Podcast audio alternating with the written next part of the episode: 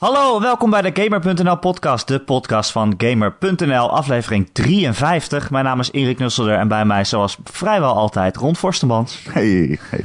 hey Ron. Hey. Uh, en Joe is er niet, maar we hebben wel een gast uitgenodigd. Onze Gamer.nl collega Harry Hol. Hey hallo, dank jullie wel dat ik mee mag doen. Je mag meedoen. Ja, leuk. Ondanks uh, de doodsbedreigingen die we van tevoren hebben gekregen vanuit het, uh, het Star Citizen kamp. Ja, ja. Mag je toch uh, aanschuiven? Ja, nee, leuk. Ik ben ook inderdaad uh, op een uh, non-disclosed location op dit moment. Ja. Deze aflevering wordt ook voor één keer niet live opgenomen, maar op een niet nader te benoemen tijdstip. en in een afgesloten loods, ergens op een industrieterrein. Het is zo erg dat er een zak over mijn hoofd zit, zodat ik niet weet waar ik ben. Ja, precies. Zodat je het niet kan navertellen. Um, ja, wat hebben we je toch een beetje ook voor uitgenodigd, Harry. Want uh, jij hebt uh, Star Citizen gespeeld. Dat is dus uh, die ruimtesim die ooit op Kickstarter begon. En toen extreem veel geld ophaalde. En na de Kickstarter-campagne nog verder geld op ging halen. En inmiddels staat de teller al op 100 miljoen. Ja, en, 105 miljoen is 105, sorry. Ja. ja. het scheelt toch 5%, dat is belangrijk.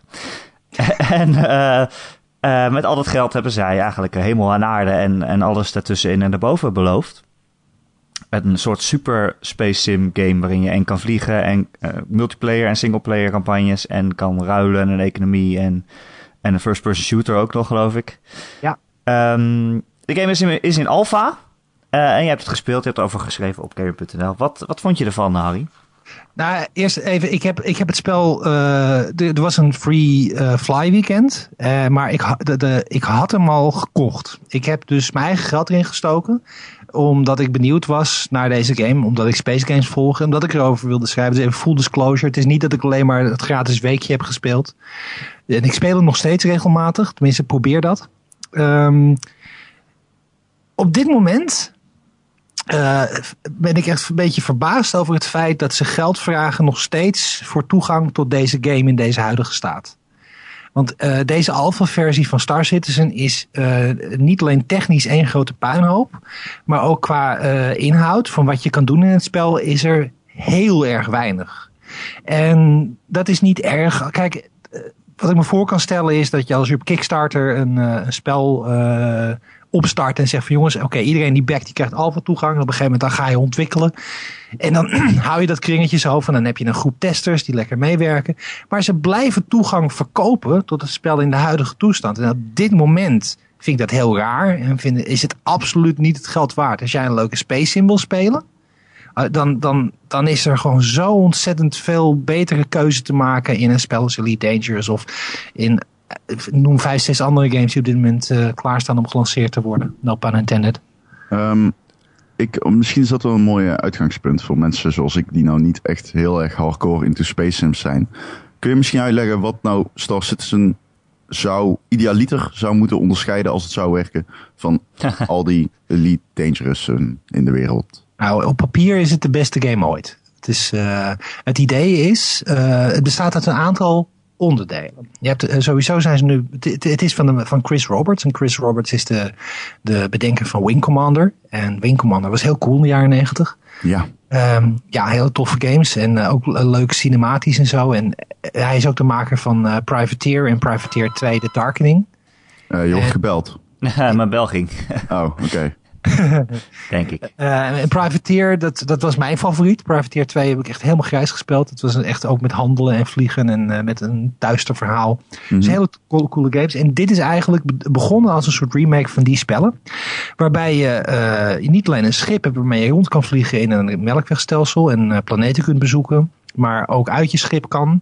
Dus niet alleen vanuit de cockpit kijkt, maar ook als avatar kunt rondlopen en inderdaad de first-person shooter modus hebt. Je kunt dan uh, het, schip van een ander overnemen, uh, weet je wel, als die ergens geparkeerd staat. Of je kunt uh, missies in een ruimtestation doen, dat je daar dan, je, je, je, vliegt met je schip naar dat station toe. Je schiet je een weg door de bewakers, dan ga je uit je schip en dan ga je in een EVA het station in en dan ga je daar weer dingen doen. Dus allemaal hele coole dingen. En een van de onderdelen is de singleplayer campaign, Squadron 42. Dat is een soort Wing Commander-achtig verhaal. Ja. Die, de, de belofte is dat die dit jaar, eind dit jaar gaat verschijnen. En een ander onderdeel is de Persistent Universe, of Universe Mode. En daarbij heb je eigenlijk uh, hetzelfde als Elite Dangerous, maar dan met die first-person shooter modus erbij. Dat je vrij kunt rondvliegen, missies oppikt, gaat handelen, multiplayer, player versus player.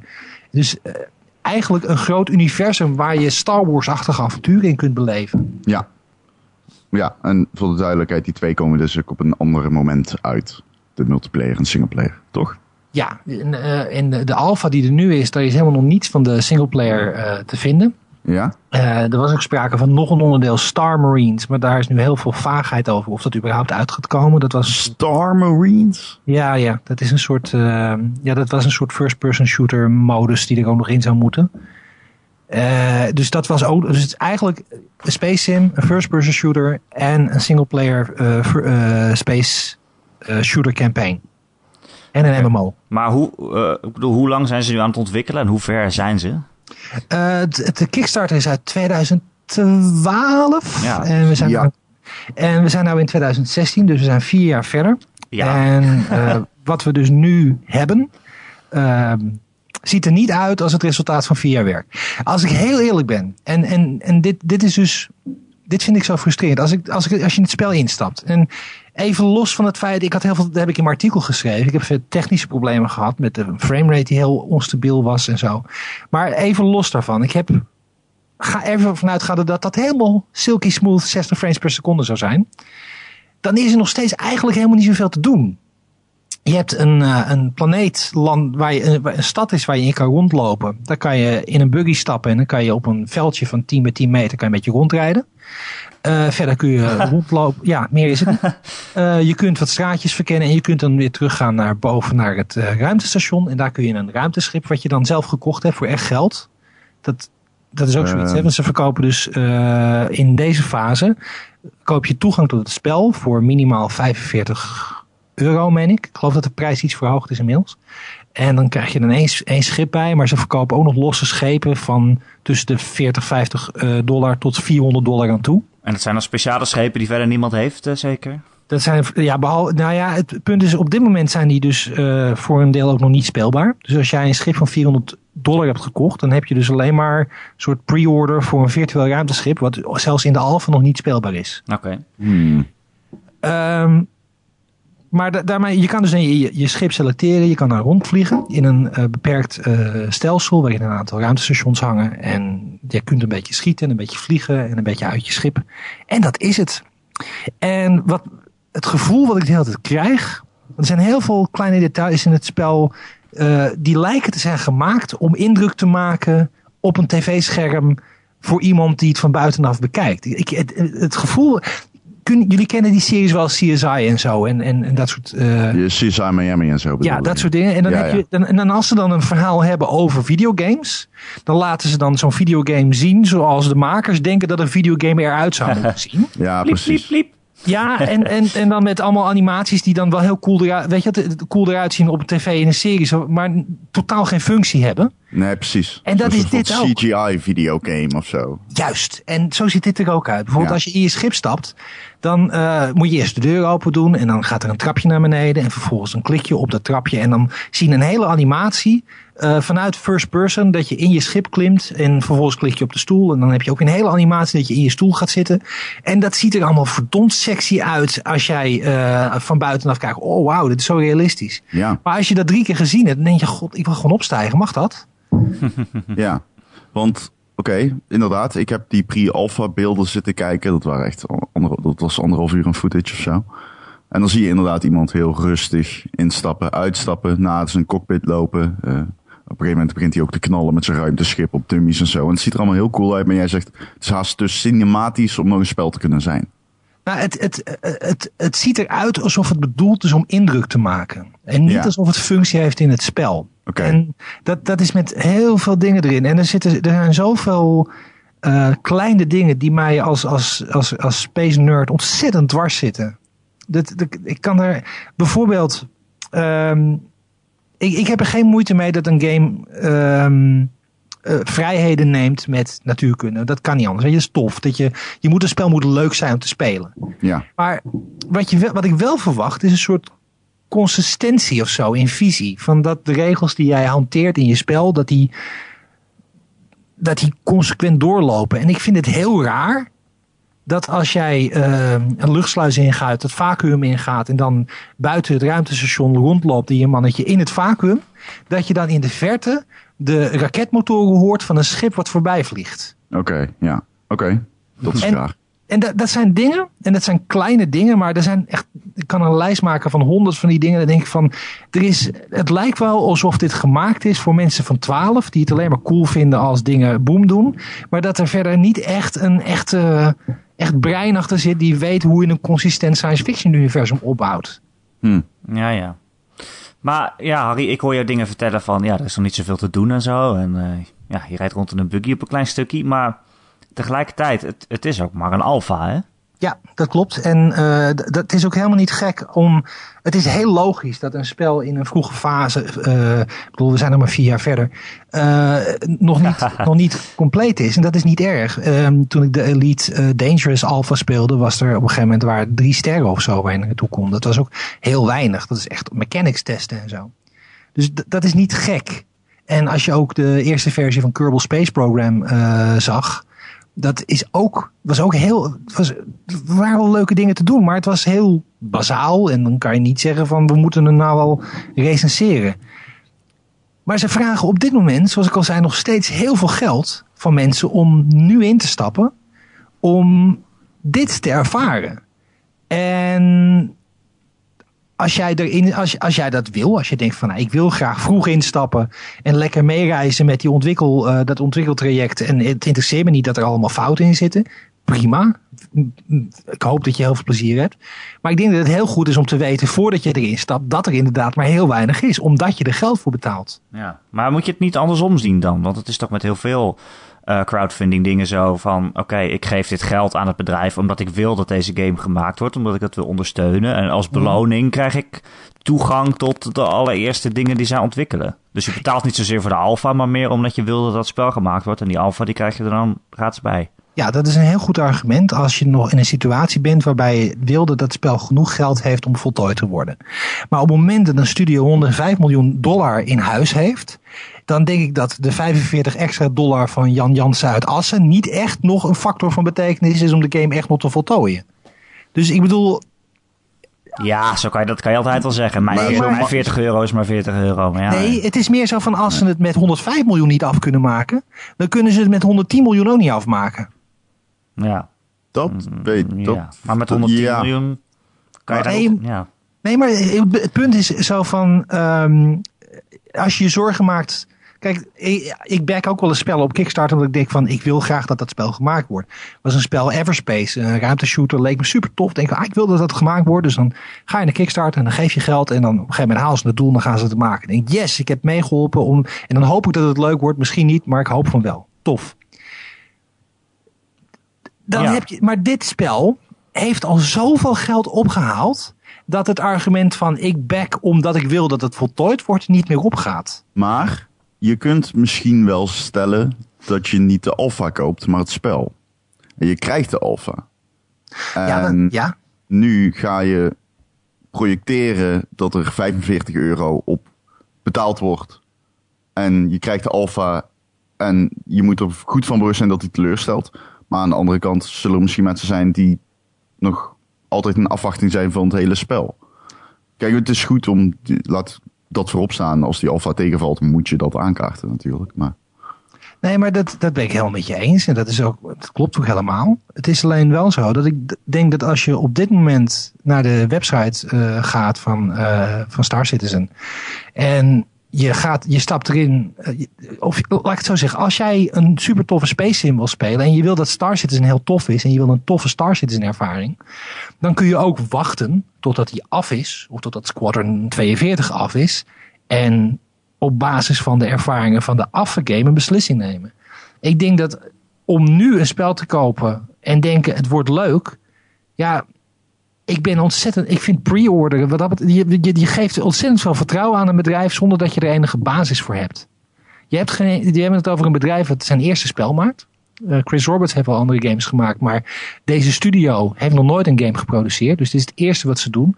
De, wat ze hebben geleverd in vier jaar tijd boezemt mij geen vertrouwen in. Ik denk van, is dit nou echt het moment om er geld aan uit te geven? Ik zou zeggen, mijn mening is, um, ik wil deze game spelen als hij leuk is. Dus ik wil er eigenlijk pas geld aan uitgeven als hij leuk is. Ja, nou is dat natuurlijk altijd wel een risico bij investeren. Maar pre-order is natuurlijk niet investeren. Kickstarter, dat is investeren. Ja, maar dit is, nou, dat is, dat is ook een discussie op zich. Ja, maar, als je alleen maar geld geeft aan zo'n crowdfunding ding, omdat je dan verwacht dat je dat spel krijgt uiteindelijk, dan is dat toch eigenlijk in je hoofd geen verschil van pre-orderen om. Nee, maar nee, niet voor ah, de gebruiker, maar wel voor, de maker. bedrijf wel, ja, tuurlijk. Maar voor wat er in je hoofd zit, is het hetzelfde effect. Zo van, ik ga nu vast betalen, want dan krijg ik dit spel. Nee, klopt. En, en, en, er is heel veel voor te zeggen hoor. Om te zeggen, uh, ik, wil, ik, vroeg in, ik stap vroeg in. Omdat ik het ontzettend tof vind om die reis mee te maken. En ook het gevoel van ik was erbij toen het spel nog niet helemaal. Uh, weet je wel, toen iedereen zei dat het zou mislukken, was ik er al bij. En nu is het tof. Weet je wel, dat is allemaal hartstikke menselijk en logisch. En iedereen die dat wil doen, doe dat alsjeblieft. Het is niet alsof, bovendien, zoveel macht heb ik ook nog niet. Werk eraan, maar ik heb nog niet die macht. Maar, maar, maar je moet gewoon beseffen dat wat, je, wat er nu is, dat het toch niet zo leuk is. Ja, precies. Dus kijk, als je, als, jij, als je denkt van, ik, ik weet dat dit allemaal op dit moment shit is. Maar ik hoop dat het tof wordt en ik geloof dit bedrijf. Nou, doe dat. Ja, je hebt natuurlijk altijd een risico dat het niet tof wordt. Of dat het game niet afkomt of zo. Ja, ik bedoel, moment... kijk bijvoorbeeld naar Goddess van Pieter Molyneux. Ja. Dat spel is eigenlijk ook nooit afgekomen. Nee. Ja, dat is gewoon maar gelaten. Nou ja, dat is vooral gewoon gefaald. Ja, maar ze zouden daar allemaal multiplayer in toevoegen en zo. En, en, en, en gevechten. En dat is allemaal nooit, uh, nooit, ge, nooit gebeurd. Dat is wel een raar verhaal hoor, Godes, overigens. Ja, maar dan heb je toch ook een naam die al langer meegaat in de, in de game-industrie. En die al eerder, eerder games heeft gemaakt. En dan denk je van, nou, dan zal het wel goed komen als ik daar geld aan geef. En dan is dat toch niet zo. Ook Peter Molyneux is een raar geval. Nou, ja, oké. dat is nee, maar even los daarvan. Hè, want maar volgens mij is Chris Roberts ook een beetje een raar geval. Dus, dat uh, volgens mij ook, inderdaad. Nou, dat sowieso. Maar er zijn andere voorbeelden die misschien wat... Want Peter Molyneux is denk ik wel een unicum. Dat is echt... En die heeft ook wel spellen gemaakt die het wel deden, weet je wel? Ja, nou, het schoot me zo even te binnen. Maar er is een, veel beter voorbeeld wat hier heel erg op lijkt. En dat is uh, York Ventures. Ik weet niet of jullie daarvan gehoord hebben. Hmm. Ja, daar heb ik wel van gehoord, ja. Dat is een spel. Uh, je hebt een, uh, een YouTube-kanaal en een podcast, de York Cast. En die gozers die zijn mateloos populair. En die zeiden van we gaan een spel maken. En dat wordt een soort Minecraft, maar dan veel beter. Met, met adventure mode en een MMO-functie. En nou ja, echt feature op feature op feature. En echt, als je, de, als je, de, als je eventjes zoekvervang doet in, in hun pitch.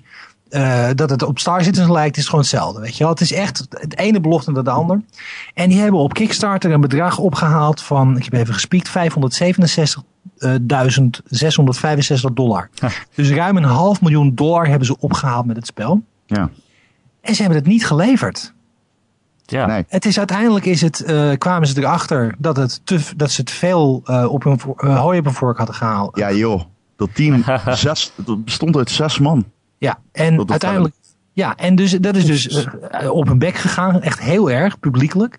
En toen hebben ze nog uh, wat uh, deals gesloten dat ze de backers toch nog een ander spelletje hebben gegeven en zo. Maar de belofte hebben ze niet waargemaakt. En dat, dat risico, dat loop je dus als jij op vertrouwen zo'n spel op Kickstarter steunt. En dan maakt het denk ik ook niet uit of het over een half miljoen gaat of over 105 miljoen. Nou, 105 miljoen krijg je toch niet zomaar op, zou ik zeggen. Ik zou het voor elkaar krijgen. Ja, jij wel. De Harry Hole Adventure Game die nooit van de grond is gekomen. Ja, Text Adventure. Text Adventure van 105 miljoen. Text Adventure van 105 miljoen. De hele mooie Dat is de langste Text Adventure ooit. Ah, nee, dat beloof ik niet. ik beloof alleen dat er een Text Adventure... oh, ik ga dat doen. Ik ga een Kickstarter starten daarvoor. Maar um, um, je had het ook over technische problemen. Nou, voorbeeldje. Ik, uh, ik heb hiervoor nog, vanmorgen nog even gespeeld. Ik blijf spelen. Welke, welke Sorry? Welke game had je hiervoor nog even gespeeld? Of uh, Star, Star Citizen. Oh, Star Citizen. Sorry, ik dacht dat je een naam van een spel noemde. Nee, ga verder. Nee, ik heb vanmorgen nog even gespeeld en eh, dan st- stap ik dus in mijn ruimtescheepje en ik eh, stijg op en dan op zich wat een heel cool idee is, is dat je in je schip ook een beetje kunt rondlopen en je kunt dus ook uit je schip als je dat wil. Dus ik dacht, weet je wat, ik ga eventjes, ik stijg op en ik ga op volle kracht vooruit. En dan ga je best wel snel, eh vlieg je in een bepaalde richting op. Dus ik stap uit de stoel van mijn eh, schip. En in mijn scheepje is ook een soort bed met een soort panorama raam erboven. Ik denk, weet je wat, ik ga gewoon even in het bed liggen en naar boven naar de sterren kijken. En ik keek in de richting van het bed en op een gegeven moment was alles zwart en zweef ik in de ruimte en was ik geklipt door de deur heen. en staarde ik naar mijn ruimteschip wat inmiddels alweer 20 kilometer verder was. Dat is wel Misschien een goede dat- feature. Misschien is dat die dimensie naast tijd, ruimte en licht. Ja, Clipping. precies. Ja, Ja. clipping. en, en, en vervolgens, en dan vervolgens, en dan, komt, en dan- dan, dan wordt mijn, mijn natuurkunde nerd brein echt heel boos. Maar dan hang ik in de ruimte. En dan heb je dus een jetpack en dan kun je dus gas geven en dan kun je dus vliegen. En ik wil dus weer terugvliegen naar het ruimtestation. En dat is prima. Dat vind ik op zich niet eens zo gek. Weet je wel, dat dat kan. Zo cool dat dat nog steeds, dat je niet in een andere instance zit. Maar dan moet je continu die gasbutton ingedrukt houden. Want als je namelijk die raket loslaat en je geeft geen gas, dan kom je weer tot stilstand. Ja. Zo werkt natuurkunde niet. Eerste wet van Newton. Een, een, eh, lichaam in beweging blijft in beweging totdat er een kracht op uitgeoefend wordt. Of Precies. blijft in rust tot er een kracht op uitgeoefend wordt. En dat soort dingen word ik... Dat, dat, Zonder zwaartekracht, inderdaad. Maar ja, dat klopt. Ja, maar dat... dat goed, ja. Ja. Dat is dus een technisch probleem. Maar het is ook, dat is ook wel een beetje, eh, ja, form over function of zo. Ik weet niet. Dat, ik, ik kan me best voorstellen dat er bepaalde dingen zijn waar je als ontwikkelaar. eh, ik, ik, ik denk dat Chris Roberts best wel weet heeft van dingen als in de ruimte heb je geen geluid. In de ruimte komt niet alles zomaar tot stilstand. Eh, snap je? nou, ik vrees dat dat niet zo is. Want ik heb die film Wing Commander gezien van hem. Ja. En daar zit een scène in en daar word ik nog steeds furieus van als ik er naar kijk. Ik gebruik inderdaad het woord furieus omdat woede gewoon niet meer toereikend is. Als, er, is er is daar een scène in, in die film. Dat, Ja. Je hebt daar zo'n zo'n soort, soort eh, vliegtuigmoederschip in de ruimte. En dan, dan stort er een, een piloot stort er, eh, neer bij de landing op het dek van dat in de ruimte zwevende vliegtuigmoederschip. Het blijft dan liggen op het dek. Dat is sowieso al raar, want er is geen zwaartekracht. En vervolgens wordt dan de beslissing genomen van we kunnen er niet bij komen om haar eruit te halen. Dus we moeten er van het dek afduwen. En dan rijden er een, twee eh, eh, bulldozers over dat dek in zero G. Die duwen dat schip over de rand van het schip en die valt dan naar beneden. Waar valt het heen? Er is geen zwaartekracht. En dat, dat, dat zie je. En dat ge- volkomen gebrek aan inzicht over hoe. Ja, maar Harry, dat, dat doet Oké, okay, maar als veel we- films en games. Dat is toch gewoon om het leuker te maken. Ik bedoel, als, precies. als je in de ruimte zweeft, dan is het toch leuker om een, om een vliegtuig voorbij te horen komen. Dan dat maar je wat jij, nu hoort. zegt, hè, wat jij nu zegt over de, de traagheidswet van Newton. Hè? Stel dat je dat echt zou implementeren. Dat betekent dus dat op het moment dat jij in de ruimte zit en je geeft gas, dan moet je, je moet jezelf, dan hoef je maar één keer gas te geven, dan ga, dan ga je alsmaar vooruit. Ja. Dan moet je dus daarna gas teruggeven, waarna je alsmaar achteruit gaat. Waarna je weer gas vooruit moet geven, waarna je alsmaar vooruit gaat. Ja, daar wordt het niet leuker van. Ik denk niet dat dat eh, de gameplay echt veel, heel erg ten goede komt. Nou, weet je, in een schip, kijk, Elite Dangerous eh, heeft eh gedraagt zich in de basisfunctie ook eh, onrealistisch zou je denken, maar dat is in de fictie opgelost dat de stuurraketten die corrigeren. Maar je kunt ook zeggen Ja. flight assist off en dan gedraagt het schip zich wel Newtoniaans. Dus dat is een, Maar een je, je hoeft toch niet te, wi- te willen dat elke space game zo ontzettend natuurwetsgetrouw is? Nee, maar het moet wel consequent zijn. En, en dat vind ik. En eh, het, het feit met zo'n EVA. eh, nou ja, goed. het- Oké, ik, ik geef helemaal toe dat het maar een heel kleine subsectie van het publiek is. waar ik bij hoor, die me daaraan erger. Eh, dus, dus dat vind ik ook op zich niet een reden om te zeggen dat je nu die alfa niet moet spelen. Het zijn alleen wel Nee, dingen nee. waarvan ik denk. eh, ik erger me eraan. En dat, dat- ik vind dat ik daarover dat ook mag en moet zeggen. als ik het heb over de inhoud van het spel omdat het niet, het, het hele spel zit vol met inconsequenties. Ik vraag me altijd af hoe, hoe het kan dat SpongeBob naar het strand gaat. Ja, dat is raar. Ja, ik denk niet dat Newton daar een mening over heeft, wel. Want hij woont onder water. En dan Ja, gaat hij- hij naar het strand en dan zijn daar ook nog golven. Ja, maar je klopt. En het- dat, dat is, dat is. En Kan er is niet. ook vuur onder water, hè? Ja, totdat, heeft hij ook. ziet- totdat iemand zegt dat dat niet kan en dan gaat het uit. En dan kom je weer op kwantummechanica terecht. Ze zeiden ook altijd dat Boelie de Sneeuwpop een warm hart heeft, maar dan smelt hij toch? Ik weet het niet. Misschien dat eh, Newton, wanneer was het? De, de 17e eeuw? Jij, jij, bent, jij kan me corrigeren, eh, Harry. Eh, die heeft daar vast ooit een boek over geschreven. We zullen het zien. Het is, de, het is eh, Principia SpongeBobio. Dat is de, Eh, maar, nee, maar dit, is niet, dit is niet de essentie van mijn kritiek. Het loopt een beetje door elkaar Nee, heen. weet en ik. dat weet Nee, ik. ik Er was ook gewoon niet zoveel te doen. En het was Maar het was leuk. ook gewoon een slideshow, toch? Eh, ja, eh, vooral in de. mm, En dat, dat vond ik ook heel apart. Ik, ik, ehm, er is. De Crusader is de planeet waar je dan die stad hebt waar je rond kan lopen. Ja. En er zit enorme lag in de beelden. Dat er op een gegeven moment over straat liep daar en een stertje in liep waar geen andere spelers waren. Het enige wat er was, was een container met wat vuilnis. Dit is niet een creatieve overdrijving. Dit was een steeg met een vuilniscontainer. Mhm. En die had één frame per seconde. Zelfs lager dan dat. Want het spel bevroor gewoon. Dat je echt rondkeek en dat je dan 30 seconden wachtte voordat je de volgende frame zag. En dat was. Dan denk ik van er is niks in beeld op dit moment. Wat. Want het argument is dan. Ja, maar Chris Orbers heeft gezegd dat deze game heel veel PC-kracht vraagt. Dan denk ik, oké, goed. Maar er is niks in beeld. wat bij mij het gevoel geeft dat hier het uiterste uit mijn PC wordt geperst. Ja, maar dat zal dan toch wel weer komen omdat het een alpha is, denk ik. Ja. Ja. dat klopt. En dat is goed. Dat dat inderdaad, eh, als dat ver- eh, verholpen wordt, dan zijn we een stuk verder. En dan is hij geoptimaliseerd. En ik heb er goede hoop op dat het spel dadelijk wel lekker draait op iedere PC. En als dat zo is, ja, dan ben ik alleen maar blij. Nu is dit nog niet zo. Nee, precies. Nou, Harry, je hebt dat ook allemaal netjes opgeschreven in een artikel op gamer.nl. En wat gebeurt er? Er zijn een aantal mensen die eh zo fan zijn van dit spel dat ze eigenlijk niet, eh, niet zo blij zijn met jouw stukje.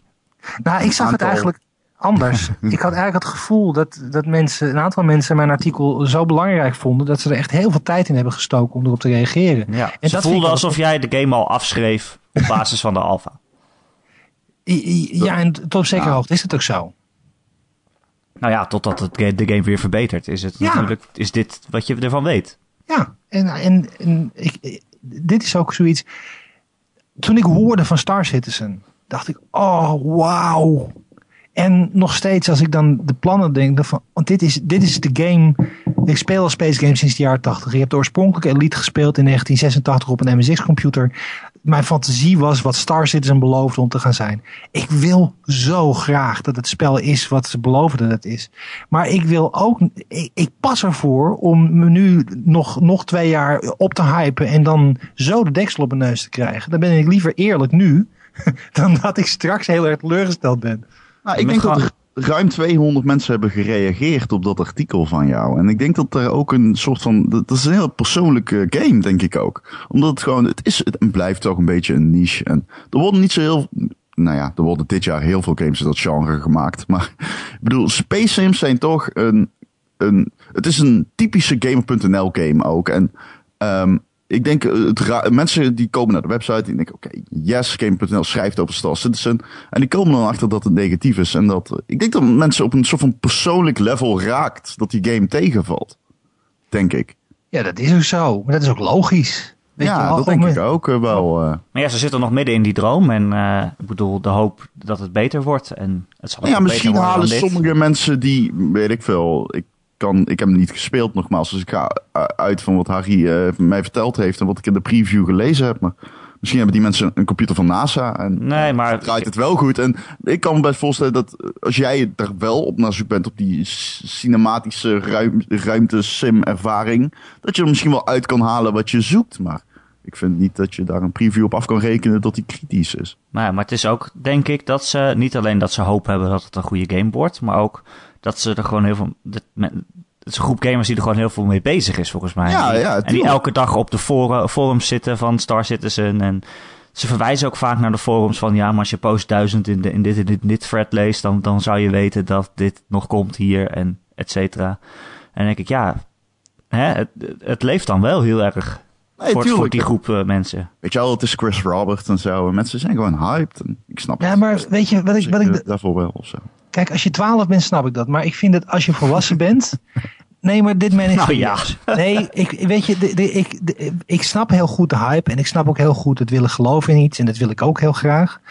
Maar en wat ik alleen wel verwacht is een bepaalde basale leesvaardigheid. Dat als het over de situatie nu gaat. En dat ik op basis daarvan zeg, het is nu zo. Dus als je nu meer verwacht dan dit. Dan kom je, dan kom je bedrogen uit op dit moment. En dat je, als je dus deze ervaring niet wil, kan je beter wachten tot het beter is. Dat dan het argument is, ja, dit is een slecht artikel, want ze hebben beloofd dat het beter wordt. En dan denk ik van, de ik ben niet in de business van het geloven van het woord van een developer. Ik kan ook niet wat- zeggen, het kabinet doet het goed, want ze beloven dat de economie nog beter wordt. Nou, het is exact hetzelfde. Ja, je kan, je, en het is een kwestie van, eh, als journalist heb ik de taak om te kijken hoe het nu is, dat op te schrijven. En dan mensen zelf hun oordeel te laten vellen van, of de beslissing te laten nemen, wat doen ze ermee? En dan, kan je, dan, dan zijn die beloften zijn waardeloos. Die zijn loos. Daar heb je helemaal niks aan. Nee, precies. Ehm, zullen we het maar over iets anders hebben? Ja, Elite Dangerous, dan wel een toffe game. Nou, ik wou eigenlijk naar wat treuriger nieuws uit eh, onze industrie. Eh, naar de website Game Trailers, die houdt, er, eh, die houdt er mee op. ja. Het is toch een site die eigenlijk al heel lang meegaat. Een soort van, ja, wat moet ik zeggen, de YouTube voordat YouTube er was. Voor, voor game mensen. Eh, game trailers bestond al voordat YouTube was. Ja. Ja, precies. Ik weet nog eh, dat eh, game trailers uitkwam. Dat toen een beetje intern in de game-industrie zo werd gereageerd van... Hm, wat, video's? Alleen maar video's? Wat? Ja, Alleen maar video's? Sap. Maar game trailers heeft uiteindelijk heel veel mooie dingen voortgebracht. Ik bedoel, Michael Pachter is voornamelijk... heeft als platform... eh, veel, heeft in game trailers een heel mooi platform gevonden. Eh, Ja. Onze grote vriend eh, van Doritos en Mountain Dew heeft veel eh, gehad aan game trailers.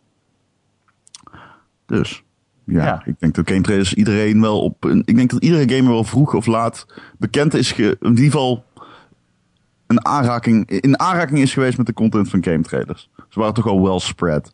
Maar ehm, ze waren nooit een IGN of GameSpot. En dat heeft, IGN, dat heeft game trailers natuurlijk een beetje de das om gedaan. Het is ehm, altijd een beetje net niet groot genoeg geweest, maar wel, eh, wel de, ja, de liquiditeiten van een groot bedrijf. En eh, ik denk, ehm, kijk, met zoveel activa, liggen de.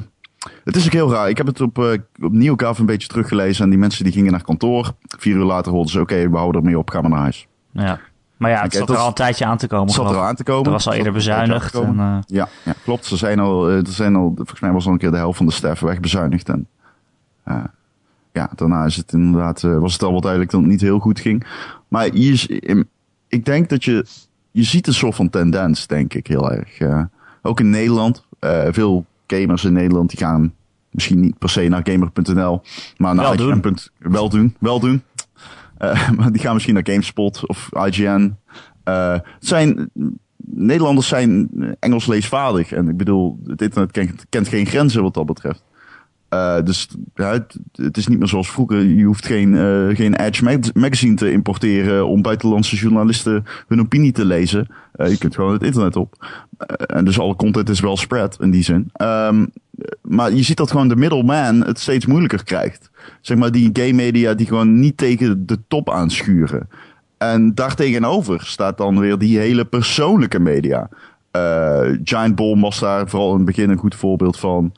Eh, maar ook, ja, YouTubers. YouTubers. Ehm, de, alles wat je nu ziet dat gestart wordt op Patreon. Eh, veel dingen daar. Je ziet gewoon, de- de- mensen willen geld geven soms. Eh, dat je dat als alternatief kunt inzetten, bedoel ik, op, eh, op ads en zo. Dat mensen gewoon hun favoriete site supporten, omdat ze eh, waarde hechten aan die beding. En game trailers is geen van beide geweest. Plus game trailers, wat ik al zei. de overstap naar YouTube hebben ze nooit gemaakt. Dat is natuurlijk pijnlijk. Je game trailers was zo van, oké, dat is zo van cannibalisme van eigen content. Oh, wacht even. Hun, eh, hun eh, content. Ze hebben ook een YouTube kanaal hoor. Game trailers. Inmiddels wel, maar in het begin hebben ze daar heel lang eh, een soort van, eh, ja, hebben ze dat gewoon niet eh, omarmd. Inmiddels wel, ja, zeker. Ze streamen Ja. zelfs op YouTube eh, tijdens de E3. Dat doen ze ook al vijf jaar. Maar in het begin eh, deden ze dat niet. En ze hebben wel een beetje de boot gemist eh, toen. Ja, dat vind ik wel opvallend. Want eigenlijk 13 jaar geleden toen ze begonnen, toen waren ze, liepen ze eigenlijk een tijd vooruit met, met een site met alleen maar video's. Dat was nog een tijd waarin mensen hun internetverbinding misschien niet eens goed genoeg was om video's te kijken op, eh, op internet. Ja, toen was het nog geen HD. Kunnen jullie je Real Player nog herinneren? Ja, zeker. Oh, ja, ja, ja. ja dat Maar ja- steeds, denk ik, of niet? Real Player. Sorry? Real Player bestaat nog steeds, denk ik, of niet? Ja, ik vraag me af wat ze doen dan. Want eh, zij Real waren, zij Times with Real Player. eh, real Player creates shareable video stories. Nou, ik kan me nog herinneren dat eh, een artikel in Wired stond dat, ze, eh, dat Real Player de eerste was die streaming audio op internet zou gaan brengen. Zo van, want, want, want video, Gaan dat was nog te moeilijk. Ja, ja dat was, maar dat was nog in de tijd van de 14K4 modems en zo. nou, ze hebben wel de beste domeinnaam. Real.com. Hm, Zo, ben ik jaloers op. ja, die wil ik ook wel. Eh, maar ja, game trailers dus liep, liep volgens mij zijn tijd ver vooruit. En toen kwam YouTube. En dat was ook gewoon een alleen videodienst. Ja. En eh, gek genoeg is game trailers ineens achterhaald geworden. Ja, nou ja, het is een van de redenen. Het is natuurlijk, uiteindelijk was het ook gewoon. Dus je kunt er nooit helemaal in kijken. Maar eh, van wat ik, ik ervan heb gehoord, ging het gewoon niet zo lekker. Ja, Maar is dit eh, dan, denk je, gaan er nog veel meer van dit soort game media volgen? ja, ja, zeker. Want er zijn wel heel veel sites, hè? Ja, You- YouTube is op zich. Ik vraag me trouwens af of YouTube eh, goed is hoor voor deze industrie. Ik, zeker, zeker. Tuurlijk. nou, weet je, het probleem is een beetje. Het idee van een site waar je makkelijk video op kunt kijken en zetten is heel goed. Maar ik snap heel goed waarom game, game trailers niet zo gauw naar YouTube wilden. Omdat je daarmee eh, al je controle overhevelt naar Google. En ik weet niet of jullie het recentelijk gevolgd hebben. Maar er zijn een heleboel YouTubers eh, met eh, goede YouTube kanalen. Die opeens een cease and desist kregen of een copyright notice kregen. Die automatisch gegenereerd is. Waardoor ze opeens maar hele korte video's konden uploaden. En waarop ze opeens geen inkomsten meer kregen. Zonder dat er iemand kon uitleggen waarom of wat. Wa- wa- Waarbij het ook heel lang duurde voordat het is rechtgezet. Omdat het een fout bleek te zijn. En dan merk je dat YouTube op dit moment zo ontzettend veel macht heeft over zoveel mensen die content maken. Dat ik me heel goed voor kan stellen dat je als je een wat grotere jongen bent. Zoals Game Trailers was toch wel wat groter dan de gemiddelde YouTuber. ja. Dat je dan niet eh, jouw, eh, jouw eh, business livelihood wil overdragen aan een andere partij. Dus Nee. ik, de- en als, je nu, als ik nu zie hoe bijvoorbeeld eh, een kanaal wat ik zelf eh, vrij goed eh, volg van Channel Awesome, van That Guy with the Glasses en een aantal andere Mhm, leuke mhm. dingen. Die, ah, die zitten nou op YouTube omdat hun vorige provider belly op ging. En die merken dus nu ook dat soort shit. En dan denk ik van dat geeft alleen maar aan dat YouTube gewoon veel te dikke vinger heeft op eh, wat kanalen kunnen produceren. En dat is niet goed voor gamers en niet goed voor producenten van content. Nee, ik vind je- altijd zo raar, hè? Dat zie je altijd bij dat soort platformen die te groot worden voor hun eigen bestwil. Op een gegeven moment gaat het gewoon ten koste van zeg maar, de vrije loop. Want dat is het toffe aan YouTube. Het is gewoon een heel bazaal principe. Iedereen kan zijn content op kwijt. Eh, en op een gegeven moment, als je dat dan, als je daar aan de poten daar gaat zagen als Google zijnde, dat vind ik zo pijnlijk.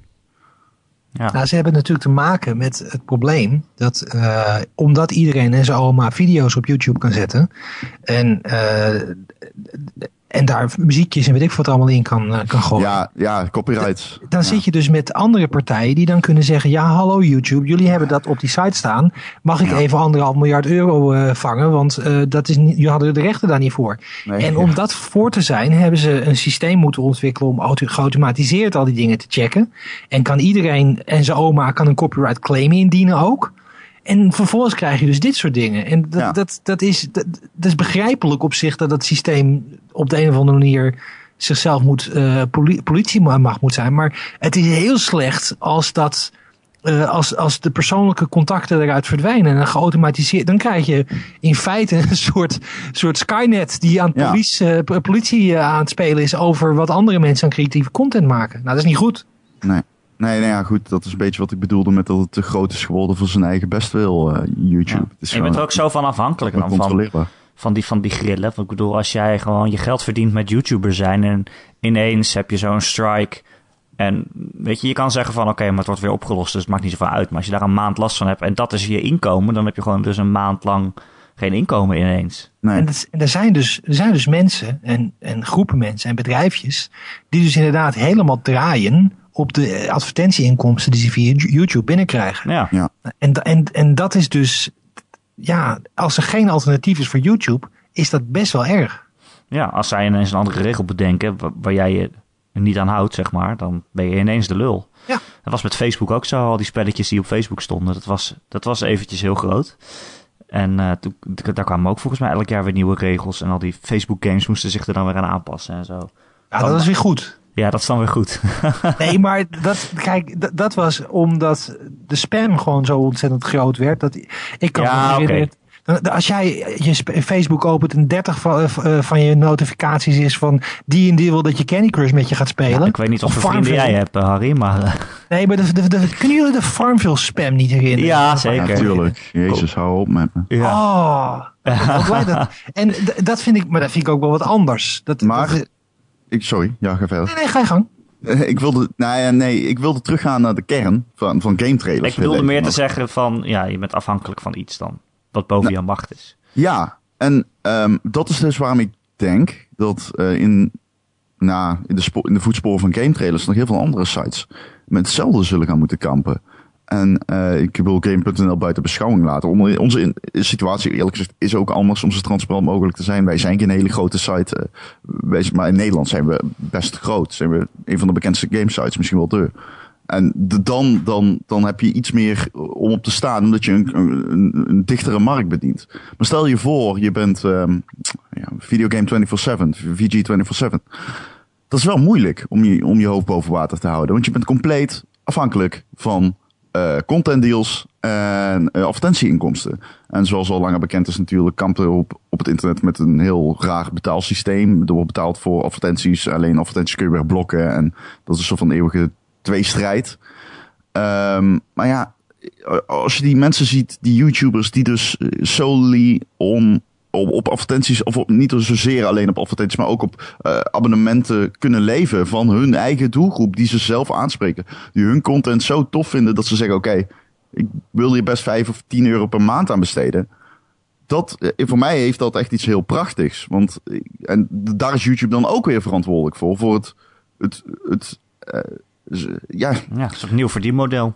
Het is een. Het, Community is geld waard dan uh, ineens. Ja, nee, maar het is een hele persoonlijke. Maar het is een, opeens een hele persoonlijke stroming binnen traditionele media. Waar eigenlijk niemand echt een antwoord op heeft. Maar waarvan ik, als ik zo vrij mag zijn, denk dat heel veel journalisten er wel gewoon jaloers op zijn. Het is prachtig dat mensen willen geven geld aan jou. zodat jij je eigen ding in stand kan blijven houden. En ik vind dat wel een heel mooi systeem. En daar is YouTube dan ook weer dankbaar voor. Ja, en Patreon, uh, de, Patreon is daar ook goed in, hè?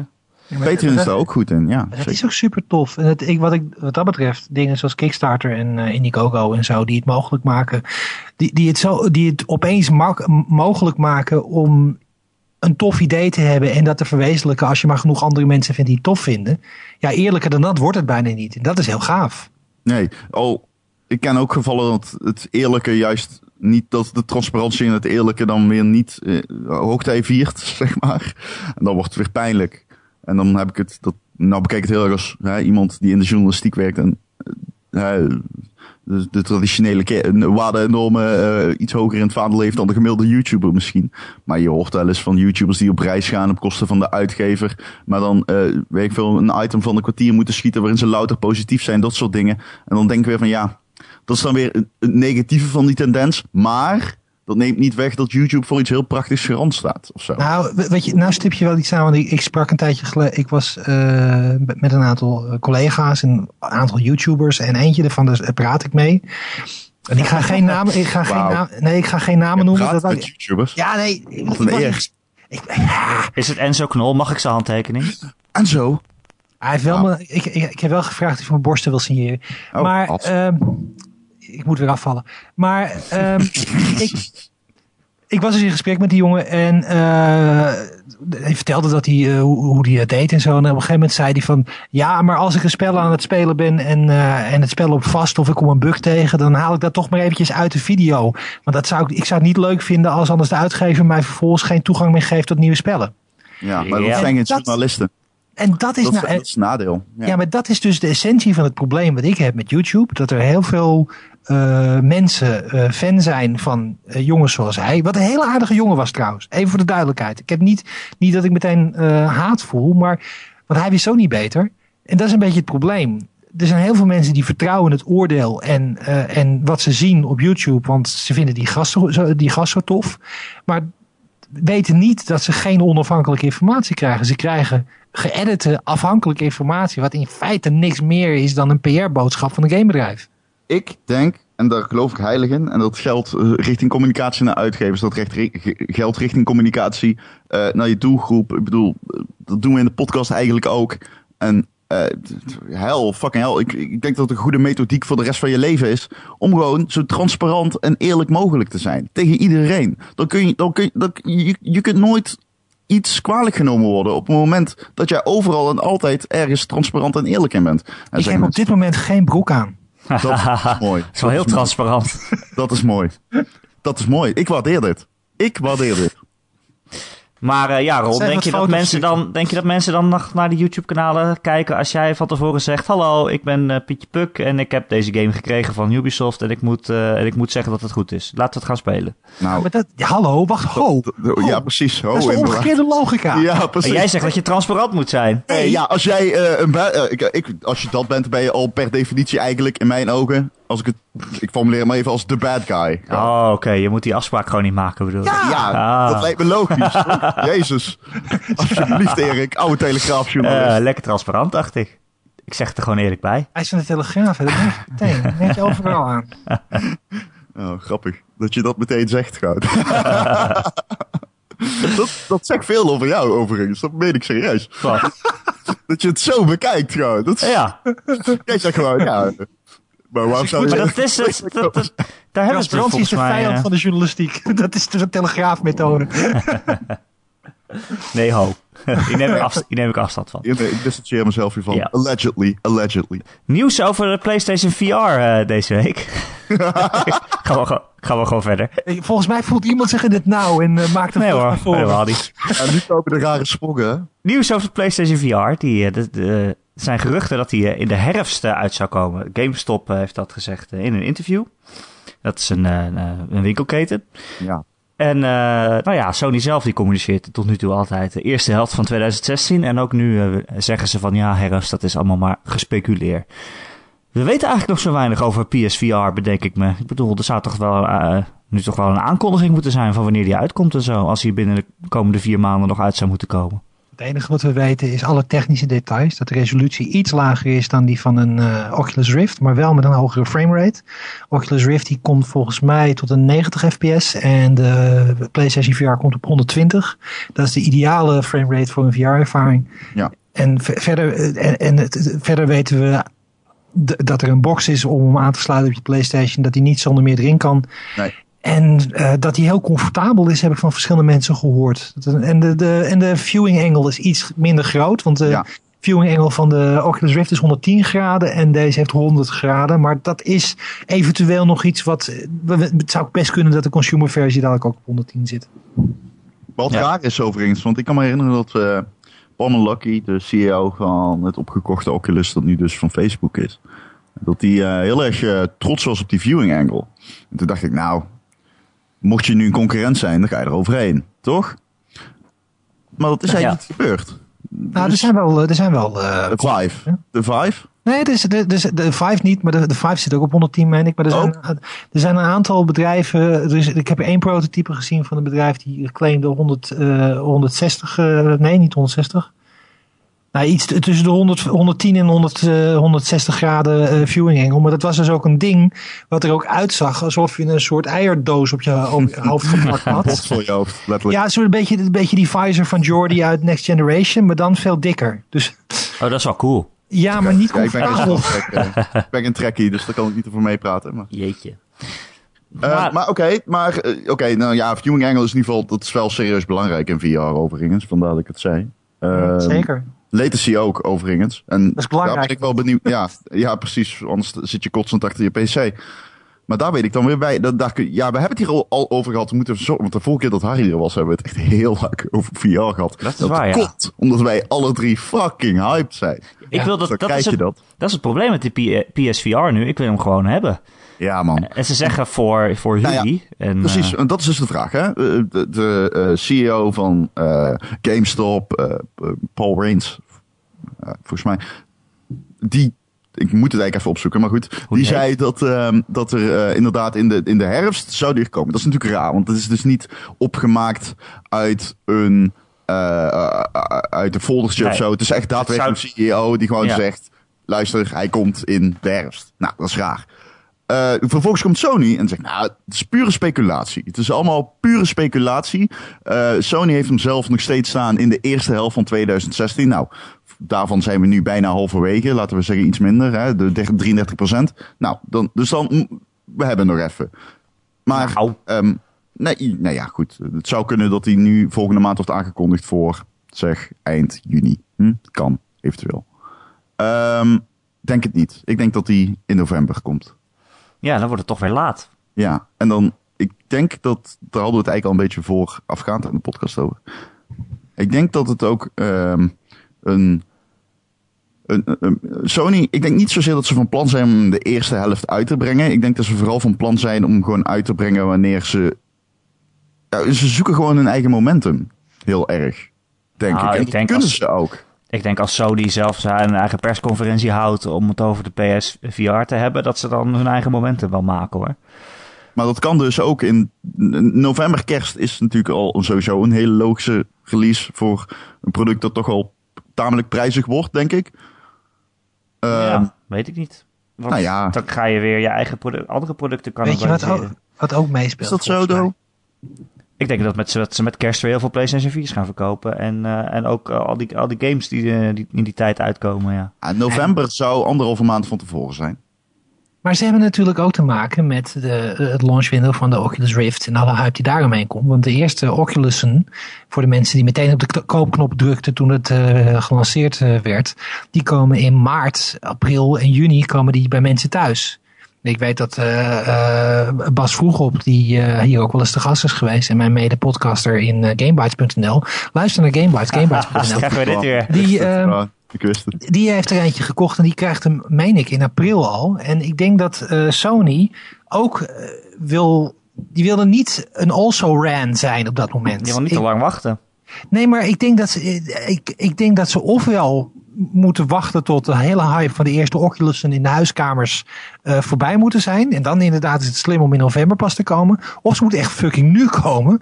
Zo van wij hebben VR nu al en veel betaalbaarder. En iedereen die nu een PlayStation 4 heeft, en hoeveel zijn dat er? 40 miljoen mensen? Zoiets. Die kunnen nu een, eh, een, een, een top-of-the-line VR-experience hebben in goed Nederlands. Ik denk toch dat Sony wel kijkt naar Oculus, maar zich daar niet heel erg door bedreigd voelt. Dat denk ik toch op de een of andere manier. Het is toch een andere markt, man. Die consolemarkt is toch wel echt wezenlijk anders. Je bedient gewoon een breder publiek. Ik denk dat de Oculus, Gay, de Oculus ehm, Oculus Gay? Is dat een nieuw, eh, nieuw element? Het is een heel Dat andere is- ervaring. dat is een hele andere ervaring. Ik ben wel nieuwsgierig naar. Ja, ja, ja, ik kan het voor je regelen. Nee, Maak je zin eens af, maak je zin eens af, Rob. nee, dat durf ik niet. Ik wilde weer een hele slechte grap maken, maar laten we dat niet doen. Ehm, maar ik denk niet dat, ze de, de, dat, dat Sony zich echt wezenlijk bedreigd voelt door de Oculus. Ik denk gewoon dat ze, ze, wat ik al zeg, gewoon voor hun eigen moment gaan. Ik denk dat ze gewoon compleet scheid hebben aan wat ze eerder hebben gezegd over het eerste half jaar van eh 2016. Eh, eh, Die, die komt gewoon rond kerst. Eh, kerst. Kerst. Ja, lekker. Altijd met de kerst. Kerst, dus dat vind ik de beste la- lanceerwindow ooit. Dat is echt prachtig. Laten we dat maar gewoon zeggen.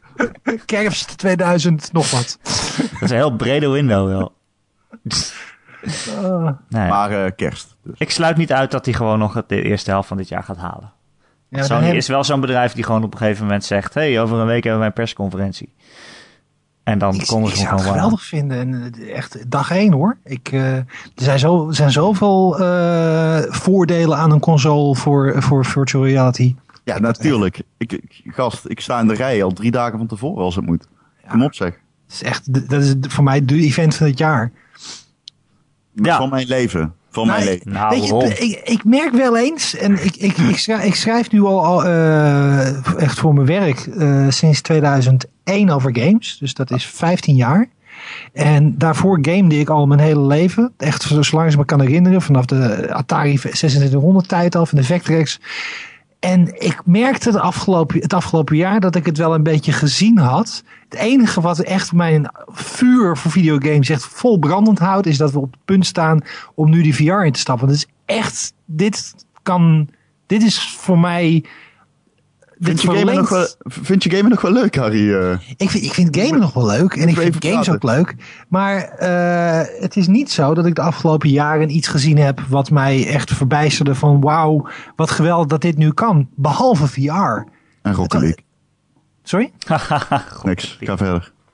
Nee, maar dan, de- dan denk ik, ja, Rocket League, oké. Maar nee, dan, de- dan denk ik van, er is een, dit is, dit is echt zo'n grote stap voorwaarts. Dat me echt weer als elfjarige, het elfjarige jongetje in mij weer enthousiast maakt. Ik ben hyped as fuck. Ik bedoel, ik word helemaal gek als ik eraan denk. Letterlijk, ik word gewoon gek. Ik kan niet wachten. Ik kan echt niet wachten. Ik, oh, waarom, eh, ik wil mezelf in laten vriezen, ontdooien op het moment dat hij uitkomt. Zodat ik niet we- wezenlijk steeds bij stil hoef te staan dat ik aan het wachten ben op VR. En terwijl ik dat zeg, zijn we al 10 seconden verder en dichterbij bij VR. Ja, en dat maar is kijk mooi uit, hè. meegenomen. Voor je het weet zit je tussen, in de oorlog tussen de, tussen de bevers en de, en de, en de atheïsten. En dat wil, daar wil je niet in terechtkomen. Oh nee, luister. Ik, ik- de timer moet goed afgesteld zijn en ik wil dat er iemand bij is. Er moet een iemand continu bij zijn. Ik zal Ja. continu naast je bed zitten, Ron. Ja, En je als handje vasthouden. kan, Je ijskoude handje zal ik Als vasthouden. het kan, wil ik op de een of andere manier ook nog Rocket League kunnen spelen. Zodat als ik wakker word, dat ik dan echt heel erg goed ben in Rocket League in En ik zal, ik zal gewoon 24 uur per dag woordgrappen in je oor fluisteren, zodat als je wakker wordt... Dat ik dement ben. dat ik in drie maanden tijd ben ik dement geworden. En waarschijnlijk heb ik ook 19 TIA's gehad, achtereenvolgend. Precies. Een paar, paar, paar weken geleden had ik, eh, had ik griep. Hè? Ik, had, ik had best wel eh, zware koorts. Niks ernstigs, maar gewoon echt zo'n fucking griep. Dat je ook de hele tijd van die koortsdromen en koortshallucinaties hebt. Oh, En- vet. En te- terwijl dat gebeurde, dacht ik even, is zo'n klein helder moment van, wauw, ik hoop dat VR straks net zo realistisch is als wat ik nu Nee, bij kikken hallucinaties. Dat zou weer tof en ziek zijn, dat je kunt hallucineren. Nou, dit waren geen leuke hallucinaties hoor. Hoezo? Was, kun je niet een beetje erin meegaan? Dat je denkt van, wow, en nu ben ik op Hawaii? Of zo? Eh, eh, Die controle had ik niet. Nee, Het was wel zo warm waarschijnlijk. ik had het steenkoud. Ik, droom, ik had ook een hallucinatie dat ik in een soort capsule lag en, lag en ingevroren was. Wat ironisch is aangezien het vorige wat je vertelde. Waardoor ik er ook aan denk. Ja, ja. Wel een gave hallucinatie, laten we wel zijn. Totaal niet beklemmend. Of Het is meer een, harry, Nee. ha- het is meer een hallucinatie. Ja, welkom bij de Game. Het was een hologram. Hologram. Eh, wat hebben we nog gespeeld in deze week? Ron? Hey Ron. Ja. Rocket Hey. League. Rocket League is uit op de Xbox One.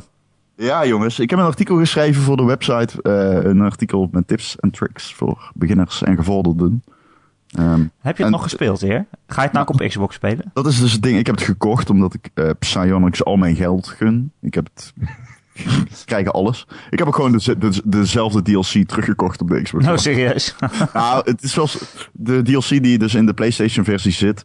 eh, met uitzondering van de Back to the Future wagen. De DeLorean. ja. Ehm, De coolste. Kun je, ja, kun je, zeg maar, zit alles er al in.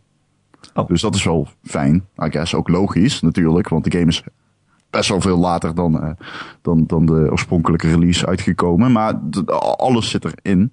Dus. Maar ik heb die, die, die DeLorean wel weer teruggekocht. Ja. Cool. cool. Eh, ehm, Nog meer Wat? games? nou, eh, ik heb over Rocket League nog één ding te zeggen. Die game, wat is die goed? Dat is insane. Oh, dat is al nieuwe informatie. Ja, dit is insane gewoon. Ik zit er weer volop in. En dat is toch echt wel knap. Van, Rocket League is wel echt geweldig. Ben je nu weer dat- verslaafd? Nee, ja, ja nee, absoluut. En iemand Draait- reageerde ook. goed op de Xbox One trouwens? Wat zei je? Draait hij goed op de One? Nou, dat zal ik je vertellen. Minder. Eh, de vriend kakt af en toe in. Ja, nou ja, goed. Ik vond het wel opvallend. Als je hem Ja. dan zo lang laat poort.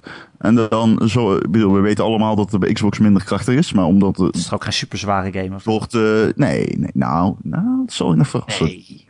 Nee, niet. Nee. Nou, ik, ik denk wezenlijk dat je nog zal verrassen. Er zit best veel, zitten best veel effects in en zo. Ja, maar ik bedoel, als ik spel als... Ik ben nu Het nog steeds... Star bezig- Citizen, maar. Nee, maar nee, Star Citizen is ook geen Star Citizen. Maar ik ben dus nu bezig met, eh, met eh, Tomb Raider. ehm, eh, hoe heet het nou? God, hoe heet het Rise of the Tomb Raider. nou? Rise of the Tomb dat de Tomb Raider? Wat ik nog steeds. Ja, ik ben- ik ben, er- Rise. ben er bijna doorheen. Maar ik vind hem super gaaf. Ik speel hem op de Xbox One. En dat is een game die zich heel goed houdt op de Xbox One. Ja, weet Ik van, weet ik. dan, kan, dan Rocket League kan ik me niet voorstellen dat dat nou een zoveel Nee. zwaardere game is dan. Nee, absoluut niet. Het is gewoon slecht gepoord. Dat is juist mijn punt. Het is gewoon echt waardeloos gepoord. Eh, dat is jammer. De- Hij, hij af en toe random disconnects. Eh, nee, eh, random restarts gewoon van de game. Dat hij gewoon herstart. Gewoon compleet triviaal, Wow. weet je wel. Dat is ook kut. Dat, dat hoort echt niet. Dat had ik in de PlayStation 4 versie heb ik dat nooit gehad. Nee, Nee, dat dus het ik is wel echt gehad. kut gepoord. Maar het is nog Toch leuk. Rocket Het is wel zonde, want het is... eh, ja, Xbox One heeft ook dit nodig, dit soort spellen. Van die Ja, het lekker- valt me wel op dat er steeds meer van die indie games ook naar de Xbox One komen. Zoals, Ja, eh, Trioli 2 en eh Another Hero komen ook Ja. precies. Olly Olly 2. Ja, Het is echt een hele leuke game. van fucking fantastisch. Echt, eh, dat is die skate game. eh, ja, het is Ja, een ja. beetje... Ja, Harry kut vindt. Die 8-bit eruit ziet. Ik denk, ik zeg niks, want ik wil niemand... ik heb al genoeg vijanden gemaakt vandaag. Je begrijpt hem gewoon niet, Harry. Ah. Ja, het is een fucking alpha, man. fucking alpha. Je kan toch niks zeggen van alpha? Het is een skate game, Harry. Eh, Eén frame erop in zit, dan ga ik het ook heel hard roepen op alle... Nou ja, laat maar maar. Dat is niet belangrijk. Oké, Erik, Ja, wat is er? weet je wat ik ook heb uitgespeeld deze Wat heb je uitgespeeld? Weet je? Ik weet het. Ja, ik wou het ook Je hebt mij meteen geappt toen je het uitspeelde. Oh, man, man, man. The Witness. The Witness. Ik En ben er door. uitgespeeld. Ik ben er Ja. door. Ja. Ik had hem al uitgespeeld en ik wou er graag met Ron over praten, maar die was nog niet zo ver. Nee, en het mooie is, ik heb hem dus uitgespeeld. eh, meer beams dan nodig waren gehaald om hem uit te spelen. In ieder geval uitgespeeld. Eh, het einde komt en ik denk, hm, Niks zeggen, hè? Geen spoilers. ik dacht, Oh. oké. En toen appte ik Erik met nog wat additionele informatie. En toen ontdekten we samen dat het e- echte einde, echte einde nog moest komen. Of zo. Nou ja, jij ontdekte dat. Ik had die game al lang weer weggelegd. Ik wist niet eens dat er nog wat in zat. En dat was wel echt een holy shit, what the fuck momentje bij mij, eh, Ja. moet ik zeggen. Dat, Ja. eh, was wel, eh, dat ging me niet in de koude kleren zitten. Dat, eh, ik zat wel even zo op de bank dat ik dacht van, what? Die game is zo raar. Holy shit! Holy shit! Ik heb echt zo de neiging om de verbinding te verbreken nu. Omdat ik gewoon zo ontzettend niet spoilers wil hebben hiermee. Nee, ik ga het niet spoilen. ik maar, vind het, hoe meer ik hem speel, hoe toffer ik hem vind. namelijk. Ah joh, de kans is ook groot dat je het nooit ziet. Dus, eh, dus dat, dat, zeker, dat is absoluut waar, dit, wat Erik zegt. Eh, de kans is groot dat je... Sterker nog, ik, ik kan me... Ik denk dat me, de, het overgrote leeuwendeel het niet weet. nee. Nee, het is ook Nee. zo stom. Maar goed, dat geeft niks. Maar moet je is maar gewoon, als je het uit hebt gespeeld, dan ga je waarschijnlijk toch googlen van, eh, oké, nou. Nou, als je dat doet, dan kom je er wel achter. Ja, precies. Oké. Nee, maar het, het is gewoon een gigantisch goede game. En ik vind ook wel... Ik, ik snap ook niet zo goed dat sommige mensen dit... eh, ik snap de kritiek van sommigen niet op de game. Maar goed. dat is- Nou, je mag het wel niet leuk vinden. Ja, natuurlijk. En ik vind alleen dat als jij een spel twee uur speelt en je vindt het niet leuk, dan is het misschien niet je kopje thee. Dan denk ik, nou oké, dat kan. Ja, precies. Dat. Kan of kopje? Nu volg ik het echt niet meer. kant-thee. Ah, Eh, Ron, ja. ik heb ook wat uitgespeeld. Wat? Dacht ik, bedacht ik me nu net pas. Wat dan? Eh, Firewatch. Ah, Daar hebben we het je- helemaal nog niet over gehad. Ja, ik, heb jou, ik heb jou nog helemaal niet gesproken over Firewatch. Nee, Heb ik jij vond hem hem, dus eh, echt wel goed eigenlijk. Oh joh, Ik vond het echt maar- wel een goed spel. echt goed. Ja, nou, het was niet. we hebben het wel vaak over gehad voordat hij uitkwam. Het was niet helemaal wat ik ervan verwachtte.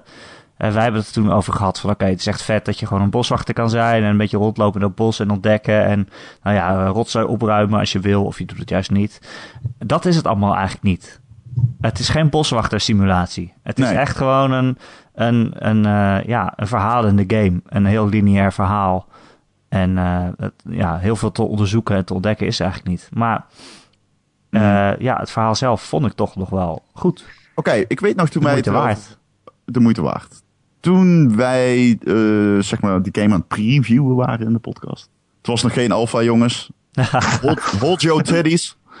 Ehm, maar toen wij hem aan het previewen waren in de podcast, toen, ik- hoe heette die game van Ubisoft ook alweer? V- V- Valiant Hearts, volgens mij. Ja, Assassin's Creed, toch? Ja, Assassin's Creed inderdaad, van EA, met de Sims. Ehm, maar nee, eh, die game leert je iets over de Eerste Wereldoorlog. En dat doet het eigenlijk op een hele simpele manier, middels tekst. Maar het lukt wel. Het is best wel interessant eigenlijk. En, eh, ik dacht dat die game dat ook een beetje zou doen. Maar doet Ah, die game dat? Nee, nee, nee. nee. Totaal niet. Totaal Nee, niet? ja? mm, eh, ja, als je het wil, nee. Spontaan. ja, je zou kunnen zeggen, eikenhout. eh, ik heb iets geleerd uit van eh, dat er eh, ooit een keer een bosbrand was. Want daar hebben ze het over dat dat die geweest is. Maar ja, Oh, en klopt mijn theorie over het einde? dat zeg ik niet.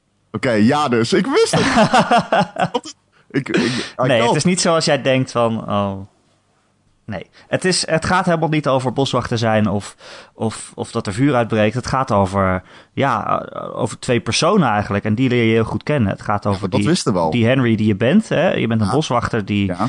ontsnapt uit een relatie om de een of andere reden. Die ik ook niet wil spoilen, maar die ook nog wel weer emotioneler is dan je denkt. ja, met zijn ex en shit. Uh, Nee, dat is bekend. Nee. Oh, maar dat is bekend. nee dan moet je toch gaan spelen, want het is toch wel iets meer dan dat. Ehm, en je gaat dus een zomerlang werken in een, in, een, in een national park. En de enige contact die je hebt is via je portofoontje met een vrouw. Die heet Delilah. Dat is Mhm. een soort van de opper eh, boswachter. En die houdt alle andere boswachters in de gaten. En eh, daar kan je dus een beetje mee kletsen. En ja, die relatie die je met haar vormt, die is echt heel erg interessant. Je denkt van tevoren van, oh, dit wordt gewoon zo'n makkelijk liefdesverhaaltje van, oh, je wordt verliefd op de stem aan de andere kant van de telefoon of zo. Maar dat, dat, is dus niet, dat is dus niet per se het geval. Het is best wel nog een ingewikkelde relatie die ze neerzetten. Ehm, ja, en dat maakt toch wel wat in me los. Oké. Ook al verliep het niet helemaal zoals je zou willen. Maar eh, ik vond het toch wel een interessant eh, verhaal. Hoe lang is hij? Ik heb er vier uur over gedaan volgens mij. Zo, wel kort. Hoe duur is hij? 20 euro. Vind ik ook een oké prijs hoor. Ja, Ja, ik dat vind het wel... eh, ja, niet alle games hoeven zo lang te zijn. En ik heb Als- gekregen wat ik ervan wilde. En eh, Precies, als het een goed spel is. hè. ik heb er ook nog wel daarna nog heel veel over nagedacht. Dus die, die tijd moet je ook mee rekenen. Wat zou je hem geven? Ehm, nou, dat vind ik moeilijk. Want dit soort spellen vind ik heel moeilijk te beoordelen. Ik heb hem op de PS4 gespeeld. Er zaten ook nog wel wat technische dingetjes in. Zoals framerate issues en... eh, nou ja, eh, ook clipping en dat je soms in een steen vastzit en zo, weet je wel. Maar ja, ik Ja. weet niet, moet je dat nou meenemen in een cijfer voor een game die eigenlijk om het emotionele verhaal draait? Nou, ik hoor het het al. stoort Zeven- wel. Zeven en een half. Nou, ja, dat is even mooi. half, denk het wel. Ik denk, ja, ik denk het wel. Eh, ja, Ja, nee, ja, ik maar dat het is dan wel, het voelt als een lage 7,5, omdat ik Ja, toch ja. wel meer gevoel bij heb. Een Maar- lage 7,5, dat is toch een 7? al. Ja, nee, ik bedoel, hij voelt laag aan als ik het een 7,5 geef. Maar Oh, zo. Oké. omdat je persoonlijk meer uithaalt dan het cijfer dat je geeft. Of zoiets. ja. Hebben jullie trouwens gehoord dat Silent Hill misschien weer op de een of andere manier weer her, her, eh, tot leven kan zou kunnen komen? Echt? Nou, ik, ik, ik heb gehoord dat eh, Guillermo, Guillermo del Toro heeft gezegd dat, ehm, dat hij eh, hoe dan ook ehm, eh, met eh, Kojima nog samen gaat werken. En dat hij alles wil doen wat Kojima zegt. Ja. Wat dan weer interessante situaties kan opleveren. In de, De exacte quote is ehm, eh, eh, dat, hij, eh, dat Toro zegt van ik wil geen niks meer met videogames te maken hebben. Except with this man, I'll do whatever the fuck he wants. Oké, Hij had hij dus over Hideo Kojima. nou, Kunnen wij niet gewoon een Patreon opzetten en dat ze dan de Gamer.nl podcast game gaan maken met z'n tweeën? zo, dat zou best wel een tof format zijn, denk ik. Huren ze podcast game. Welkom bij de Game van de Game.nl podcast game. De Game van de Game.nl podcast game. Aflevering 1. van Game.nl. Het is Aflevering nu 1. al- Dus episodic content.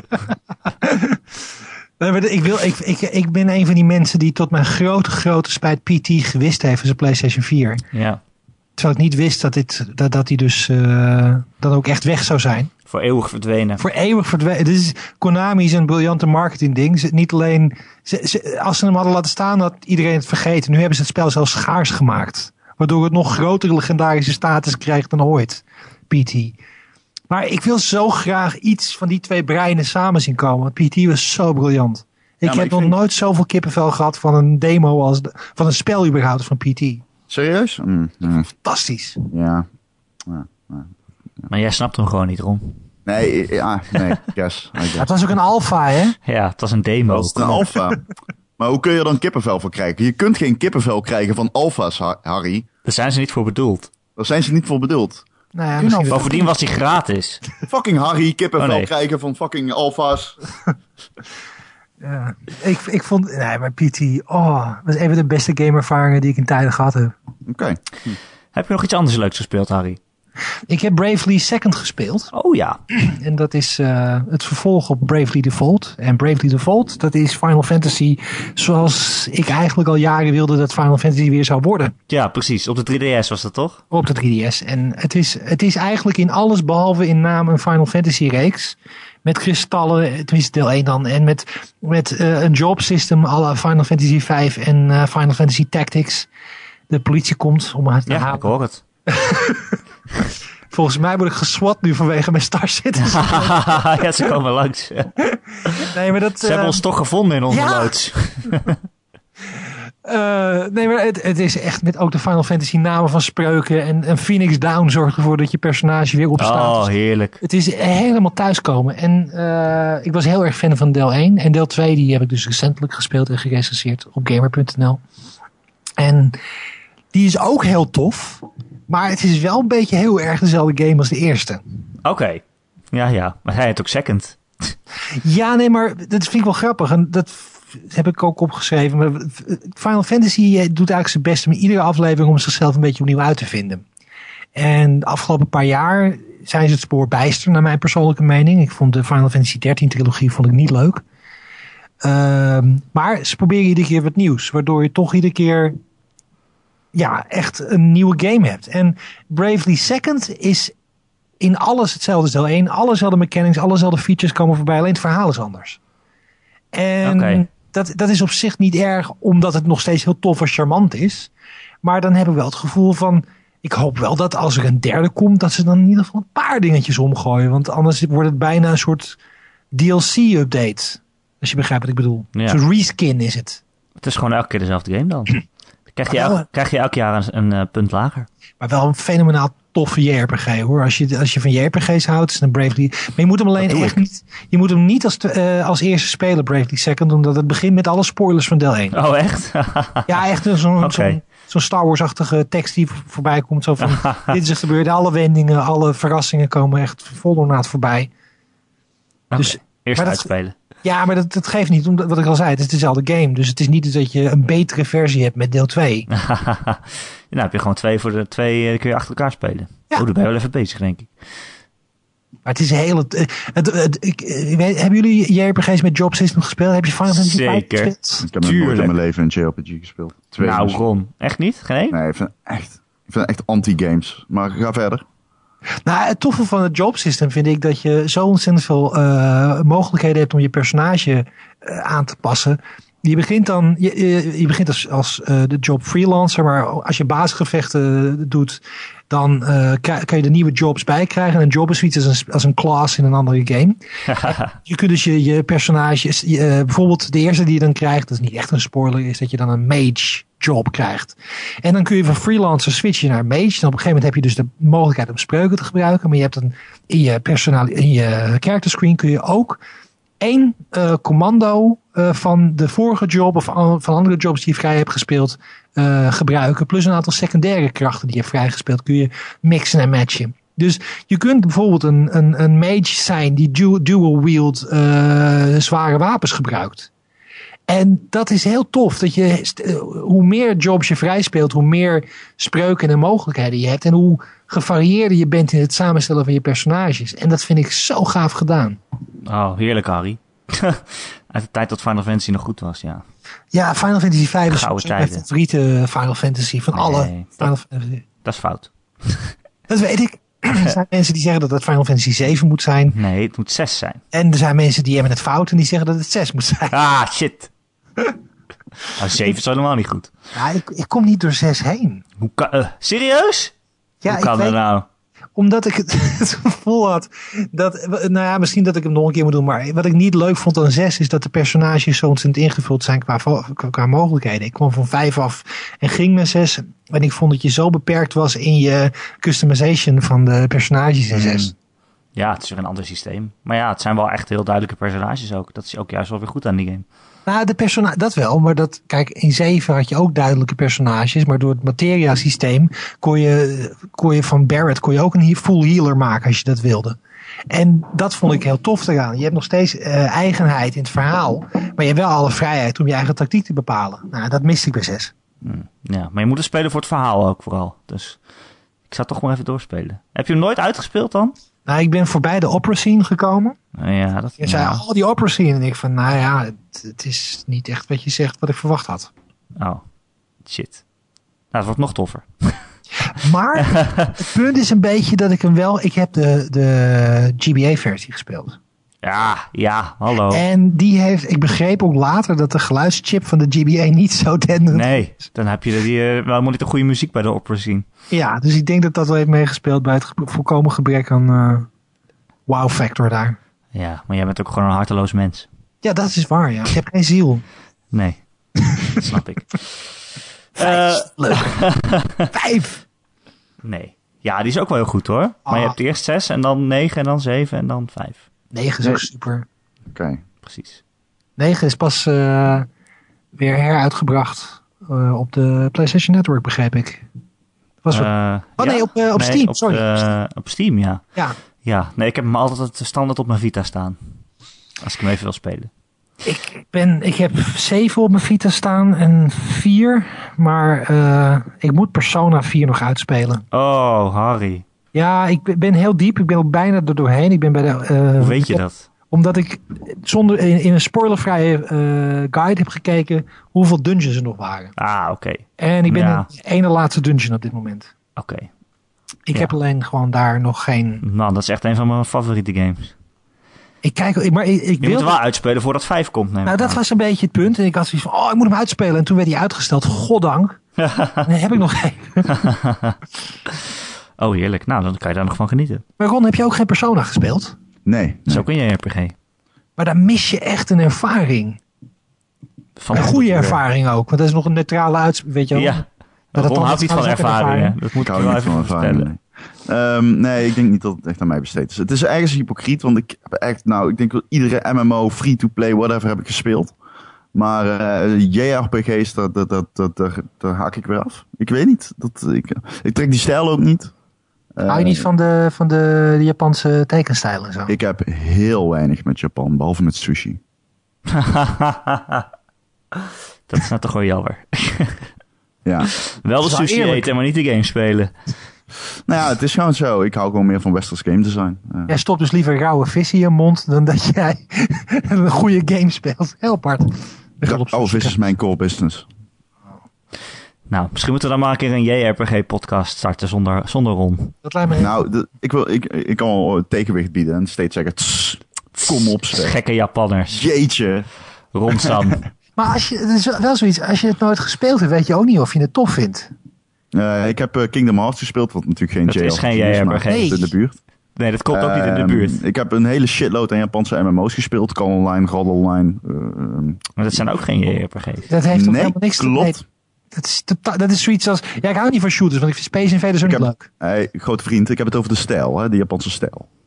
Want dat is waar ik op afkeek. Ik trek gewoon, bijvoorbeeld, ik zag laatst een trailer van, het is niet zozeer de, de, de stijl, of ehm, eh, de gameplay, het is meer de stijl. Ik, ik, ik trek gewoon dat, die mensen met het grote haar en die belachelijke zwaarden trek ik gewoon niet. Maar dat is Ik- niet... Persona doet dat niet! Nee, Nou ja, Persona zijn juist waar. geloofwaardige karakters wel, toch? Oké, ik Ja. zeg ook niet dat ik het nooit, maar ik denk ook, het is een langdradig. Ik weet niet, het, het, het klinkt niet als een Het is game wel voor lang, mij, ja. gewoon. Het klinkt gewoon niet als een game voor mij. Ron, Ron, Ehm. heb jij, heb jij eh, Life is Strange gespeeld? Ja, een stukje. Wat vond je van de, het verhaal en de setting van Life is Strange? Mm. Oké, dan moet je niet Persona spelen. Ja, maar je, ik weet al, ik ken de setting van Persona 4. En ik weet dat het zich op een high school afspeelt in Japan. Eh, Maar ik heb nog nooit een spel gespeeld waarbij ik zo ben gaan hechten aan personages als Persona 4. Ik heb nog nooit meegemaakt, want ik- games zijn wat mij, wat, mij, wat mij betreft toch echt de, de tertiaire vorm van verhalen vertellen. Dat is eh, voor mij betreft eh, eerst boeken, dan films, dan tv-series en dan games pas. Dat je goed verhaal, dus niet tertiair, maar ik weet niet wat het vierde is, maar in ieder geval het vierde plan- niveau. Clipping Maar- is de vierde. Ja, Flipping is de vierde. Pers- persona, de personages daarvan, voelen als goede vrienden inmiddels. Ik heb zo'n ontzettende band opgebouwd met al die personages erin, wat ik nog nooit in de game heb gehad. En dat is dus het ding. Ik ben daar niet naar op zoek in een computergame. Ik ben gewoon Nee. niet op zoek naar eh, Je wil personages. geen digitale vrienden. Nee, nee, nee. Ah, Ron. Ja, dat is Eigenlijk is Ron hier de harteloze. Ik ben ook harteloos. Ik ben echt de meest emotionele, eh, meest emotieloze lul die je ooit zult tegenkomen waarschijnlijk. Ik weet niet, Harry, misschien zie ik Ron ook wel niet zo snel een game spelen met een pratende teddybeer. Nou, Zit Dat er gewoon de- niet in. Dat is, nu, wordt het opeens interessant. Oh. Nee. dat is nou ja, goed, nee, ik, kun, ik, kan- ik kan twee uur lullen over wat ik van de personenpersonages vind, maar dat- Nee, ik heb Oh. precies hetzelfde, ja. Ik Zo weet, mooi. Ik weet nog precies waar ik was toen ik dat spel speelde. En ook toen ik het uit had, dat ik dacht, shit, nou kan ik niet Nee, meer met oh, ze praten of zo. Dat is Ja. heel raar. nee, niet, niet het einde spoilen, maar meer het gevoel van, oké, nu is het af. En ik zou Ik ook- bijna, ik zou bijna die fighter mooi. gaan spelen, omdat ze daar dat verhaal kennelijk verder Die gaat. fighter? Ja, Persona Ultimax of zo. Dat is dan een fighting game. Ik vind Ah. het heel mooi dat jullie dat eruit halen hoor. Maar eh, ik zelf ben er gewoon niet naar op zoek. Er zijn meer eh, Persona 4. De Persona, eh, Persona Q is ook een. eh, dat is op de 3DS. En Ja, het is dat een heel is, andere game. is een andere game, maar wel met nog steeds de personages zoals je ze kent. Het is wel grappig. Je hebt de cast van Persona 3 en die van Persona 4. En het begin van het Oh ja. spel kies je welke van die twee casts je wilt eh, gebruiken om mee te spelen. Oei. Dan zie je dus hun verhaal verder en je ontmoet dan de cast van de andere persoon. Het is allemaal kiezen. Ja, het is op zijn Japans is het heel erg eh, bizar, onlogisch en toch weer logisch. En het is alleen wel meer een, een uh, Adrian Odyssey-achtige game. Dat je dus Ja. eh, dungeon crawling doet vooral. Maar wel heel tof. En als je meer Persona-personages wilt zien en meer diepte van de... Het speelt zich af in een periode in Persona 4. In de tijdlijn halverwege de game. Dus zelfs als je het Oh, niet uit hebt. Ja, ze gaan diep hoor in Japan. Ik vind het wel apart, want ik denk er nu over na. Ik heb inderdaad nooit een JRPG gespeeld. Maar dat is ook echt... Ik speel eigenlijk alles. Echt alles. Van hardcore race sims naar fucking, weet ik veel, Phoenix Wright gewoon. Maar dat genre, specifiek Japanse RPG's, daar ben ik echt allergisch voor. Op de Maar het is ook niet iets wat je even uitprobeert. Want dat spel dat duurt 60 uur. Dat weet je van tevoren al. Ik zit op 110 uur met Persona. Oh ja, lekker. Heerlijk. Heb je Persona 3 dan ook gespeeld, Harry? Nee, en ik Oh, dat ben moet ook nog wel dan. Nou, ik, ik weet niet. Ik denk dat ik die maar laat liggen. Nee, die is nog heel goed te doen hoor. 1 en 2 zou ik wel overslaan nu, maar Ik denk dat ik gewoon lekker met vijf doorga. En ik denk dat ik dan voor het komende twee jaar alweer goed zit. ja, dat is ook wel weer zo. Want dat is niet, dat is niet het soort spel waar ik snel doorheen rag. Ik Ah. baal ervan dat Persona 5 niet op de Vita is. Ik vind dat zo Ja, jammer. Het is echt een goede. Vita-game. Ja, JRPG's hoor je niet op een groot scherm te spelen. Je moet je nee, ik ben er echt van overtuigd. Ook als ik Bravely Second weer speel, denk ik... Het feit dat je hem gewoon oppakt wanneer je wil. Je klapt hem dicht als je even klaar bent. Het is als een boek lezen. Zo fijn. Ja, Eh, over fijn gesproken. Volgende week zijn we er weer met een nieuwe Gamer.nl podcast. Hey. Die kun je namelijk elke maandag downloaden via onze website gamer.nl. Je kunt hem ook luisteren op ons YouTube kanaal. Of je gewoon abonneren op ons eh, iTunes eh, ding. En dan krijg je hem eh, vanzelf op al je Apple producten. En als je toch in die iTunes store bent, laat dan ook gelijk een recensie voor ons achter. Een aantal sterren. En dan kan je dan ook nog een leuke tekstje bij tikken. Dat zouden we heel fijn vinden als je dat doet. Want dan zijn we weer beter vindbaar voor nieuwe luisteraars. Eh, heb je een vraag voor ons of een, eh, een onderwerp wat je graag wil dat we bespreken, dan kun je mailen naar erik.gamer.nl, erik met een k.gamer.nl, of je laat gewoon een reactie achter eh, onder het bericht waar je deze podcast vindt. En die kan je sinds kort ook heel makkelijk vinden, de laatste podcast, want we hebben een eigen, eh, hoe noem je dat? Een eigen windowtje op de site. Met, Ja, eh, Een je- bannertje. ja, een bannertje. En in één klik ben je dan bij de laatste podcast en dan eh, tof. kun je daar reageren. Ik eh, moet trouwens zeggen, als mensen mij... Ik krijg wel zo DM's van mensen op Twitter. Maar je kunt mij ook gewoon mailen als je wilt. ron.gamer.nl Je kunt me ook DM'en. Is rond met een K of en een C? Met een 9. Oké.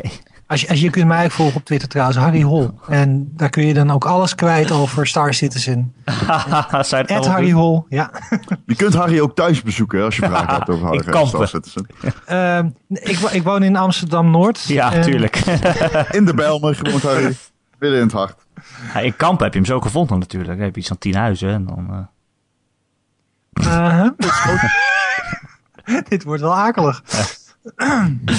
Ehm, Harry, Maar dankjewel dat je... Ja, sorry, Ja. Negge. Ja, Dank, ik wou zeggen dankjewel dat je de gast wilde zijn. ja Hey. graag gedaan. Harry bedankt, Erik. Jij, jij echt ook zeker. Jij bedankt gewoon. Niet te En ik vergeten natuurlijk. Soms vergeet je wel eens dat Erik eigenlijk ook bedankt eh eh, moet Geeft worden. niet hoor, Bedankt. geeft niet. Maar- Nee, ik doe het gewoon... Erik ook mee? Ik doe het niet voor de eer, Rick. Nee, nee, maar wel voor de bedankjes, denk ik. Ik doe het Maar voor de bedankjes aan het eind, het- ja. Die krijg je te weinig, vind ik. Vind ik ook wel. En eh, de laatste aflevering vergeet jou de hele tijd. En jij echt bedankt. Al 53 afleveringen ben ik geen één keer bedankt.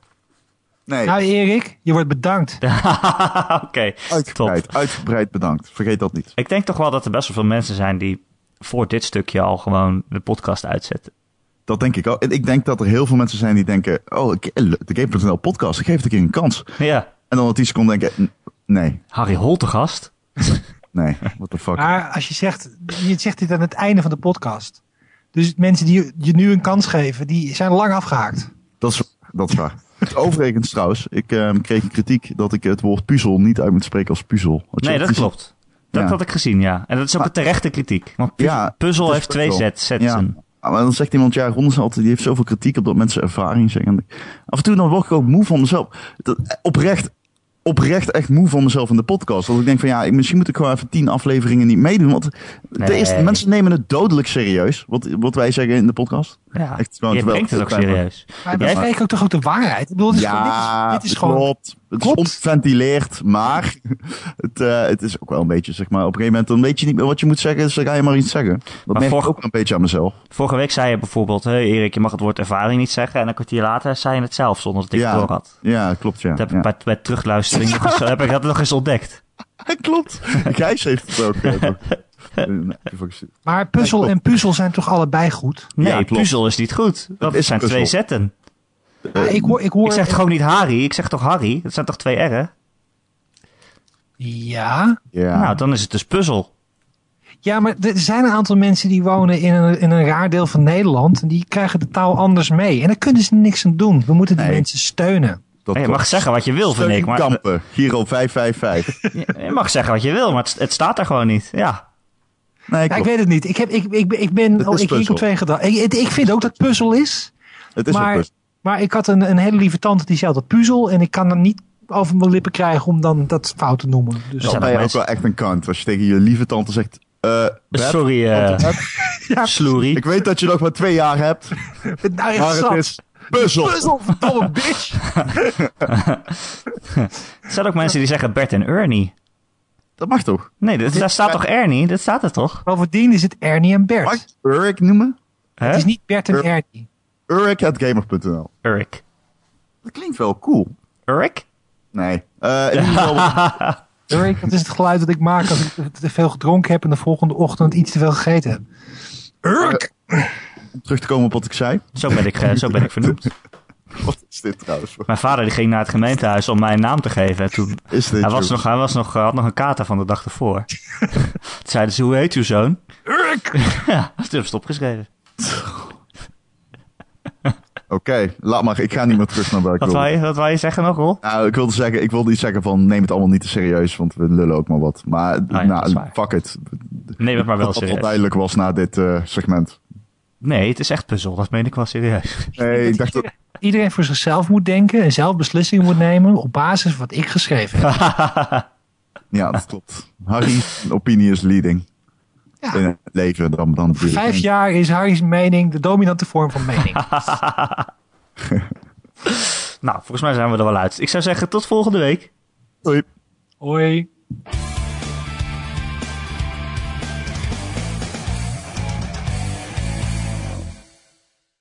Dag Ron. Dag, dag eh, Erik. Jij bedankt hè. Hey, jij bedankt. Nee, jij bedankt Harry. Of Ik. eh, Erik. Ik ook bedankt. Jij bent echt een diamant in het wild. In het wild. Ja, een wilde diamant. Ja, die hebben pootjes en die rennen rond. En dan eh, jagen ze op, eh, op kleine kevers. Die eten ze dan op. Een diafazant.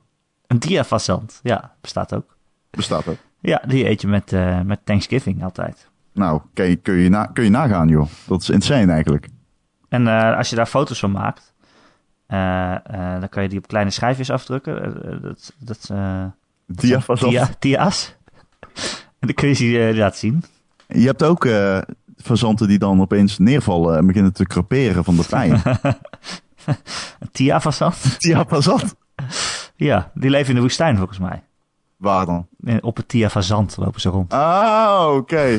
Ja, ja, dat heb ik laatst gelezen, volgens Ja? mij. Tiafakrant. Oh god.